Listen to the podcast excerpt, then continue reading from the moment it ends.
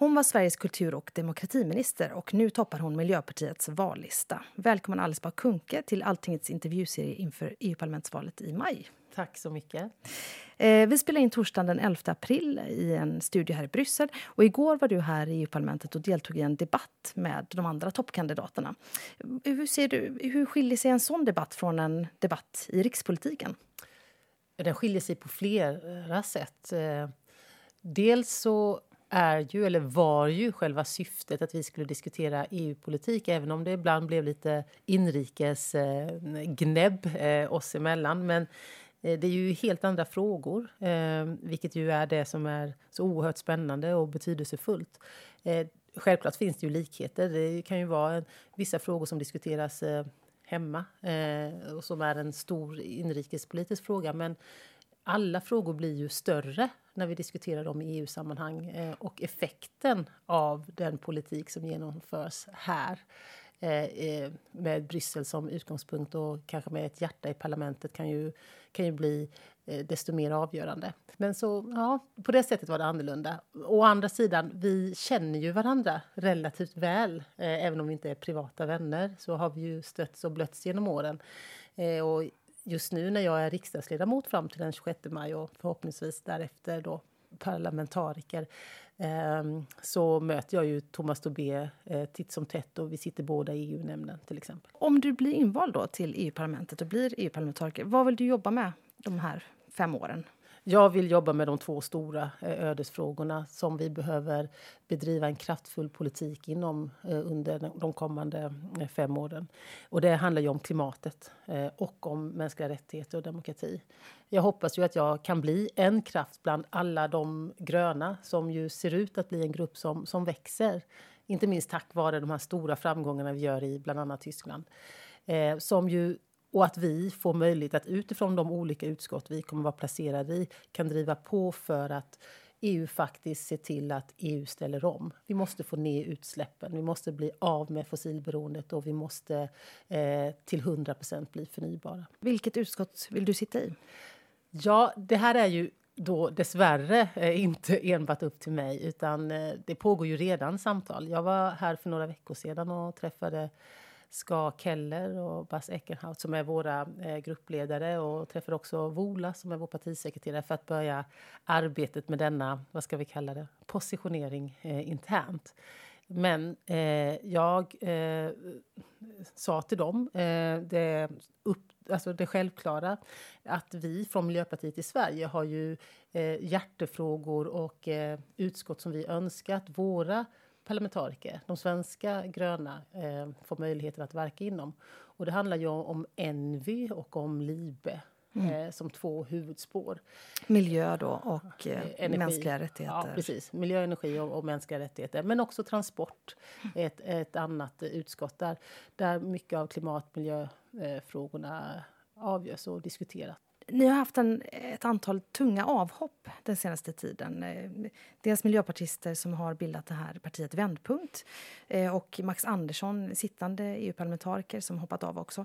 Eh, och de här personerna säger att Miljöpartiet har gått åt höger och vissa kritiserar också Miljöpartiet för att ha blivit för EU-positivt.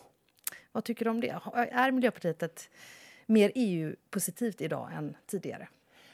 Jag vill säga att Eh, Miljöpartiet är fullt eh, medvetna om de eh, brister som finns i EU och förhåller sig kritisk till överstatlighet. Och vill, vi har en hel lista med saker som vi vill förändra och förbättra. Transparensen, till exempel. Men det är bara ett av flera exempel. Men däremot så är vi också pragmatiska. Vi vet att utsläppen har inga gränser. Vi vet att vi måste minska utsläppen, att vi har 10 till 15 år på oss. Och därför behöver vi vara pragmatiska och vi behöver samarbeta. Vi behöver mer samarbete, inte mindre. Och EU är den bästa och största plattformen vi har för att göra den skillnad som krävs. Du har ju varit kulturminister och i den rollen så är du ju också EU-politiker. Du har ju suttit mm. i ministerrådet tillsammans med 27 kollegor från andra EU-länder. Vad, finns det någonting du... Och, och ministerrådet ska jag säga är ju också en lagstiftare mm. tillsammans med EU-parlamentet. Finns det någonting som du har med dig från den erfarenheten in i EU-parlamentet? Ja, oerhört mycket. Eh, jag har ju varit eh, kultur och demokratiminister så jag har ju haft väldigt brett brett eh, spektra av frågor som jag har arbetat med och brottats med. Och inte minst när det gäller demokratifrågorna. Eh, frågorna som handlar om hbtq-personers rättigheter, om kvinnors rätt till beslut om sin egen kropp och sexualitet, om eh, mediefrihet, om domstolars oberoende och så vidare så har jag ju verkligen eh, drabbat samman med, med flertalet ministrar. Eh, och jag har ju också besökt flera länder, eh, inte minst kandidatländer som till exempel Serbien där deras ansvariga minister för hbtq-frågor säger till mig när jag talar om vad som fortfarande återstår för Serbien eh, i, inför den här ja, medlemskapsprocessen. Och då säger hon till mig att eh, varför ställer du såna höga krav på, på mig och på Serbien när ni har länder som Ungern och Polen som inte följer dessa? Så, så hela det här eh, spektrat av eh, liksom komplexitet har jag hanterat och dessutom som jag, har jag under de senaste tre åren varit eh, Miljöpartiets eh, kandidat, eh, eller inte kandidat utan representant i EGP, European Green Party. Mm. Så Den här partifamiljen. Precis, mm. vilket betyder att jag har ja, varit engagerad och till stor del sett vilka utmaningar som vår gemenskap står inför och i 1995. Du förknippas starkt med metoo-rörelsen också. Mm. Eh, och du har sagt att du vill kämpa för en metoo-lag på EU-nivå. Mm. Vad betyder det? Vad är det för någonting? Ja, men när jag eh, 2015-2016 som demokratiminister eh, tog tag i den svenska lagstiftningen eftersom den hade brister eh, arbetsgivaransvaret fanns inte i Sveriges rikeslag, i diskrimineringslagen. Eh, och påbörjade det arbetet, vilket var ett tufft arbete att få genom riksdagen. Vi var en minoritetsregering. Eh, vi behövde vinna en majoritet i riksdagen för varenda lagförändring. Men eh, tack vare Liberalerna, bland annat, som, som också eh, hade det här på sin agenda så fick jag med mig och fick igenom lagen i Sveriges riksdag. Och samtidigt med det, 2016-2017, började den nya lagen gälla som ställer krav på alla arbetsgivare och alla utbildningsanordnare i Sverige att arbeta aktivt och förebyggande mot sexuella trakasserier och övergrepp. Och detta var ju innan metoo. Detta var ju flera månader innan lagen började gälla den 1 januari, om jag minns rätt. Men det var i alla fall 2017. Eh, redan då så tog jag kontakt med några andra ministrar, bland annat den tyska eh, ministern och med eh, den franska kulturministern vid ett flertal tillfällen. För det är ju nämligen så att det finns ett likabehandlingsdirektiv som har blockerats eh, ända sedan 2008. Mm. Eh, så att jag eh, kommer att driva den frågan, att vi ska eh, få bort blockeringen så att vi kan börja ställa samma krav på alla arbetsgivare inom vår gemenskap. Därför att det är en mänsklig rättighet att inte bli utsatt för sexuella trakasserier och övergrepp. Och hundratusentals, uppskattningsvis, kvinnor i EU-länder eh, utsätts för detta. Eh, det, det, finns ju ett EU-direktiv om likabehandling av kvinnor och män i arbetslivet. Mm. Det är inte den du syftar på nu? Jo, det är, det, lika, är, det är okay. likabehandlingsdirektivet. Mm. Mm. Okay. okay. Och, och, då vill ni liksom tajta till där då? Så, ja. att, så att det blir större krav på arbetsgivarna? Precis, mm. precis, som vi, som jag, precis på samma sätt som jag har förändrat den svenska lagstiftningen vill jag arbeta för att uh, förändra den europeiska lagstiftningen. Vill du inte sitta i sysselsättningsutskottet i så fall? Där ja. den frågan antagligen kommer att landa. Ja, det skulle jag också. Det, vi får se var jag hamnar någonstans. Eh, men eh, FEM är ju också en bra plattform att eh, bedriva opinion ifrån. Jämställdhetsutskottet. Hur eh, vill du att EU ska utvecklas? Hur är ditt dröm-EU om tio år?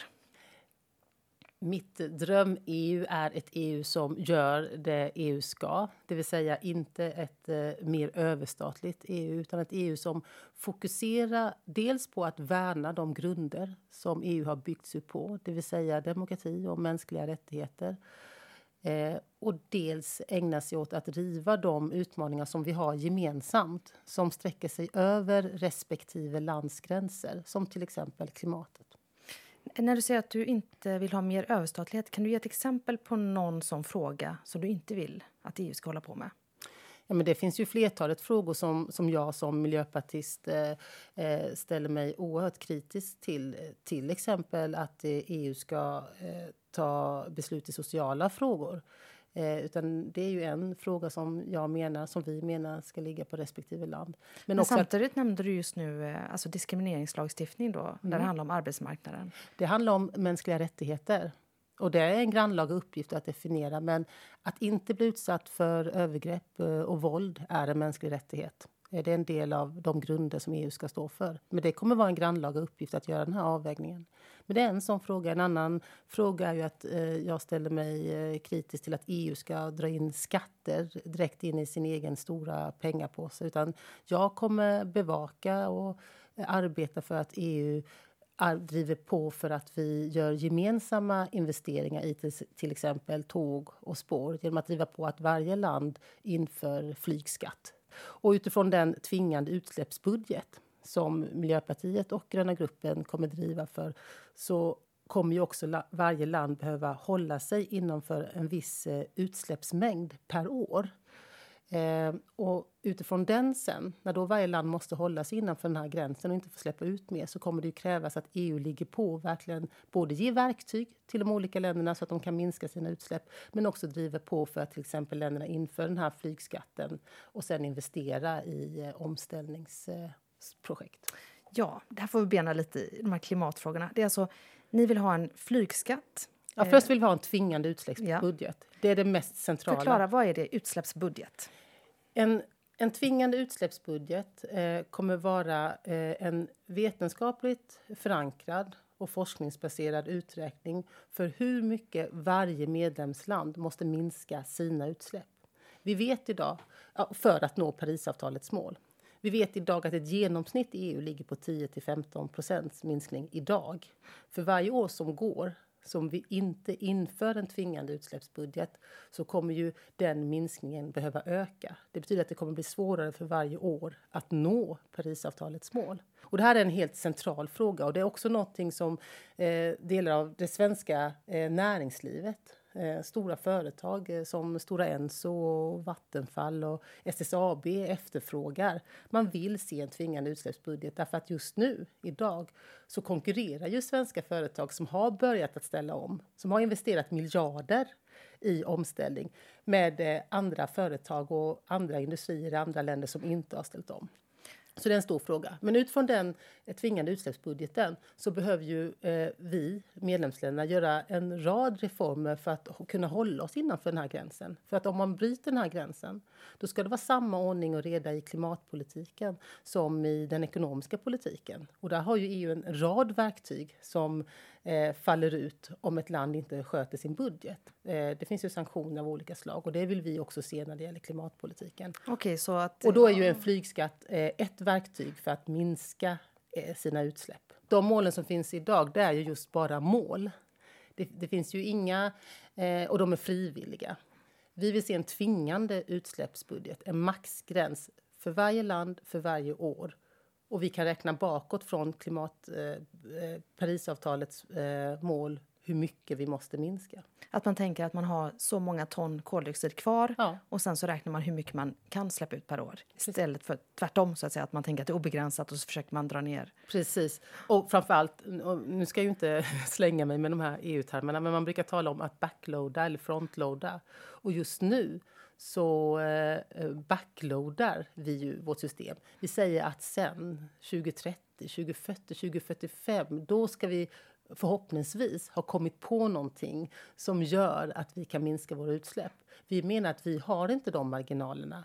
Vi måste börja minska utsläppen nu och därför behöver vi sätta in de här insatserna och en tvingande utsläppsbudget är det enda tydligt vetenskapliga instrumentet som kommer ta oss eh, till Parisavtalets mål just de här eh, målen någon gång i framtiden, det är det som diskuteras nu. Alltså EU-kommissionen har lagt fram ett förslag hur man ska nå nollutsläpp till 2050. Är det fel väg? Ja, men, självklart är det ju bra att ha mål, men vi måste också ha verktyg för att nå målet. Och då krävs det en tvingande utsläppsbudget för att vi ska göra det. En radikal klimatomställning riskerar också att innebära en viss social oro. Man har mm. sett med de här gula västarna, protesterna i Frankrike. Det här sanktioner kopplat till bindande mm mål. Hur, hur ser du på det, det, det verktyget och risken att det skapar eh, eh ilska mot, mot EU och mot politiker? det måste ju självklart vara så att vi solidariskt tar ansvar för omställningen i, även i andra länder än vårt egna. Och det faller ju naturligt så eftersom utsläppen inte vet några gränser. Om inte Polen lyckas ställa om så kommer det drabba oss alla. Och därför behöver ju EU fortsatt använda de verktyg man har idag för omfördelning av resurser.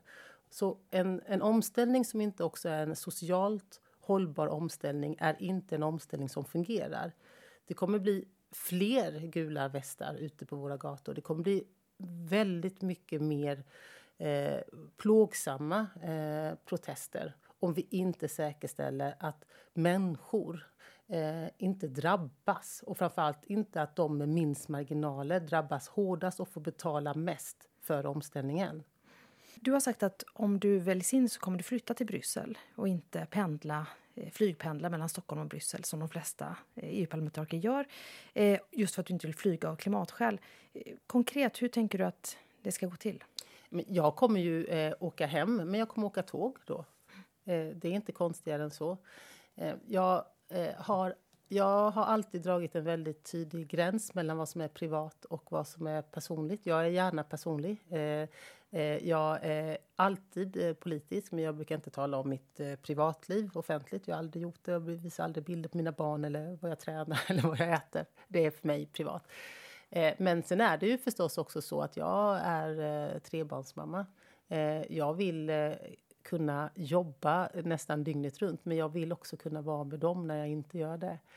och då är det bättre för mig. Jag blir en bättre representant för, för våra väljare om jag också bor med mina barn. Eh, och så kommer jag försöka att eh, följa min princip som är att åka tåg. Eh, jag, har all, jag har sett i här, sociala medier så att jag har sagt att jag aldrig mer i hela mitt liv ska flyga. Det har jag aldrig sagt. Eh, tvärtom, det kan mycket väl bli så att, att jag måste flyga någon gång. Man kan ju bli sjuk eller ja, ja vad som mm. helst kan hända. Men min princip är att åka tåg och det har gått eh, väldigt bra eh, under eh, lång tid. Jag har haft den principen och som miljöpartist så eh, har vi ju också i våra eh, regelverk att vi ska vända och vrida på varenda resa. Eh, ofta så går det att genomföra våra resor med tåg. Ibland händer det att vi måste flyga eh, och då får vi göra det. Mm. Hur tänker du om den avvägningen? Hur mycket man ska vara så att säga, öppen mot världen eh, och resa runt? Eh, kan man göra det i en framtid när vi inte flyger? Ja, men självklart. Alltså, och dels, vi kommer ju fortsatt att flyga. Det kommer finnas flyg. Eh, men vi måste flyga väldigt mycket mindre än vad vi gör idag. Men det kan man inte säga om man inte också är beredd att investera i alternativen. Europa är som gjort för tåg. Det skulle kunna gå mycket bättre att eh, resa med tåg snabbare och billigare och enklare, inte minst. Och det är det vi måste investera i. Samtidigt, och gör vi det samtidigt som vi då höjer eh, priset för flyget, det vill säga att flyget ska betala för sina utsläpp, för det som de förstör för framtida generationer. Då kommer människor att välja att resa mm, med tåg. Vi kan till exempel från Sverige ner i Europa kan vi halvera restiderna med tåg om vi gör de här investeringarna. Eh, så självklart kommer vi resa. Vi kommer resa mer, hoppas jag, och få mer utbyte av andra människor, andra länder, andra kulturer. Eh, men vi kommer resa på, på andra sätt. Men du ser ingen, sån, eh, ingen konflikt mellan de här kan säga, liberala värdena att liksom mötas och ut i världen och att göra en klimatomställning som måste gå snabbt? Finns det ja. ingen konflikt däremellan? Ja, men ja, det jag ser som kommer vara den stora utmaningen det kommer ju vara att säkerställa att det inte är de som har minst som drabbas hårdast. Jag, jag känner ju många personer som har sparat till den där Amerikaresan i, i, i, hela, i halva sitt liv. Eh, för det är väldigt dyrt att, att, att, att uh, resa, ta flyget till USA och bo på hotell där och resa runt. Eh, och det är ju inte, det är inte de som ska känna att de förstör för all framtid. Utan det är ju de där 34 planen som går mellan Stockholm och Göteborg varje dag med eh, affärsresenärer som, som flygpendlar. Den resan borde ju kunna gå att göra minst lika bra och mer bekväm och bättre för kommande generationer med tåg. Vem vill du ska bli EU-kommissionens ordförande? Jag vill att det ska bli Ska Keller som är vår eh, spitsenkandidat.